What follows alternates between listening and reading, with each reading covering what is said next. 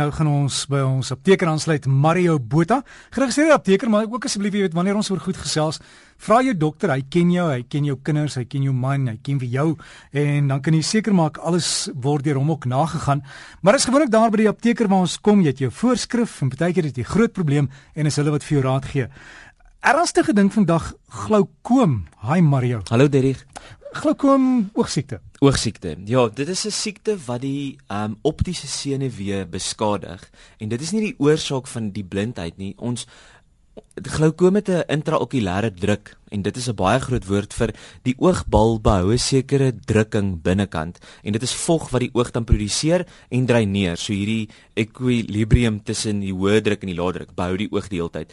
Maar dan vir een of ander rede verstop of die dreineringsgaatjie en dan kan daai vloeistof nie wegdreineer en dan verhoog die druk of ons het hierdie oorafskeiding van vloeistof wat dan en dan kan die dreineringsgaatjie dit nie genoeg weer wegvat nie. So dan het hierdie verhoging in drukking en hy druk op die optiese senuwee. Die optiese senuwee is die ene wat ons impulse as lig um interpreteer na die brein toe en dit wat ons dan sien. En hy beskadig dan die optiese senuwee. En as ons dan eers hierdie skade bereik het, is dit op hierdie stadium nog is tegnologie nog nie so ontwikkel dat ons dit kan terugwerk nie. So ons raak blind daarvan en ons bly blind. Is daar behandeling? Daar is behandeling om hierdie vloeistofafskeiding of dreinering te beheer. Dit dit kan ons doen. Ehm um, so om daai druppeltjies te gebruik is nogal goed en ons en ons kan dit doen. Maar ehm um, daar is nog nie behandeling wat regtig die blindheid kan terugdraai en en en ons weer kan beter te laat sien nie. Nee, dit daar's nog nie dit nie. So wat gebruik mense vir dit? Wel op hierdie stadium is daar maar oogdruppels op die mark en dit is dan nou juis wat ek sê om om hierdie vloeistofafskeiding te verminder of die dreinering te verhoog. En hierdie druppeltjies is nommer 1 baie duur in die apteek. Dit moet baie keer in die yskas gehou word en dit is in baie klein hoeveelhede. Dit is 'n baie klein botteltjie en baie pasiënte maak die fout dat hulle dink maar dis nie 'n hele botteltjie vol nie. Hy's net 'n kwart vol en Daar is genoeg medisyne in om jou vir 'n maand lank te hou en jy moet regtig net een druppeltjie insit in jou oog om dan hierdie drukking te verminder. En dan as ons die drukking aanhoudend kan verminder of kan laag bl laat bly, dan sal ons die blindheid kan stop as as dit gaan verder gaan, ja. Hoe weet jy jy kyk jy moet jy moet natuurlik gaan vir oogtoets en en jou ja. jou oogarts sal dit vinnig optel. Ja, jou oogarts sal dit en meer jou optomoloog sal dit mhm. optel. Mm -hmm. Jou oogarts sal dit seker optel, maar dit is goed om na 'n optomoloog toe te gaan, 'n oogdokter dan nou in die volksmond om om by hom te gaan uitvind en hulle het sekere toetse wat hulle doen met plaatjies en kontaklenserige dinge wat hulle op die oog dan sit om hierdie drukking te bepaal in jou oog. Mario, as as jy nou daar by die dokter was en hulle sê jy het 'n probleem, hulle kan ook vir jou vra, ehm um, Het jou ma of jou pa dit gehad? Ja, dit is oor erflik hierdie en dis die sleg daarvan.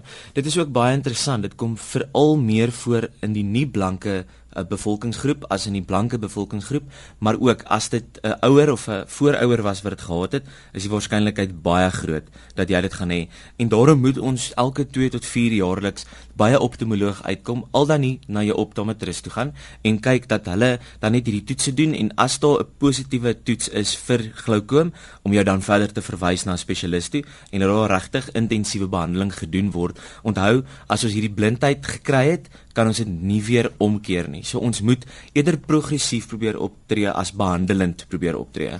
En as jy nie seker is nie, gaan sien jou oogarts, hulle kan jou verwys. Verseker. As jy by die apteker kom en jy moet die druppels kry, onthou om hulle te vra, hoe moet ek dit stoor want die goed ja. is so duur en baie sensitief. Dis ja. ligsensitief, dis hittesensitief. So dis regtig vir daai bedrag wat jy betaal, wil jy weet as jy dit huis toe vat, bewaar ek dit goed en dit gaan vir 'n hele maand my kan hou en my behandeling kan gee.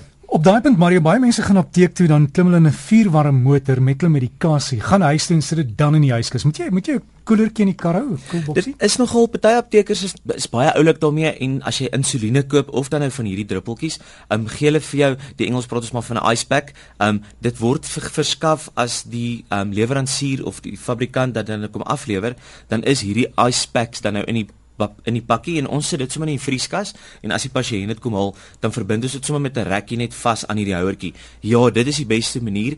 Ons praat van die koue ketting.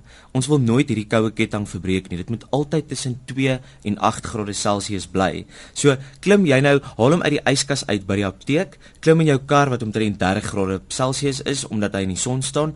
Nou gaan ons huis toe, ons sit hom op die kas, ons vergeet hom in die in die yskas te sit en dan is daar 'n redelike tydperk wat dit kan afbreek voordat hy teruggaan na 2 tot 8 grade toe. So ons moet probeer hierdie koue ketting bewaar en dan veral met hierdie gloukoom druppeltjies is dit so belangrik. Ons het gesels ons apteker Mario Botha hier saam met ons op breakfast met Derek Keisel volgende week op sy posfees. Onthou die gesprek gaan ook as 'n pot gooi op RSG se webtuiste in die komende week beskikbaar wees.